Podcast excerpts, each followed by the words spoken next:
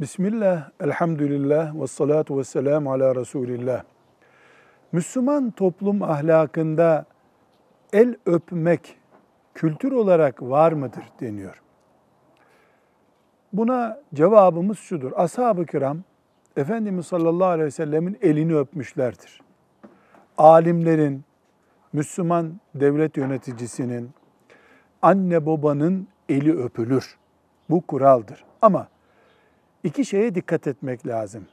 El öpme töreni gibi bir tören yoktur. Sıradanlaştırılmamalıdır bu.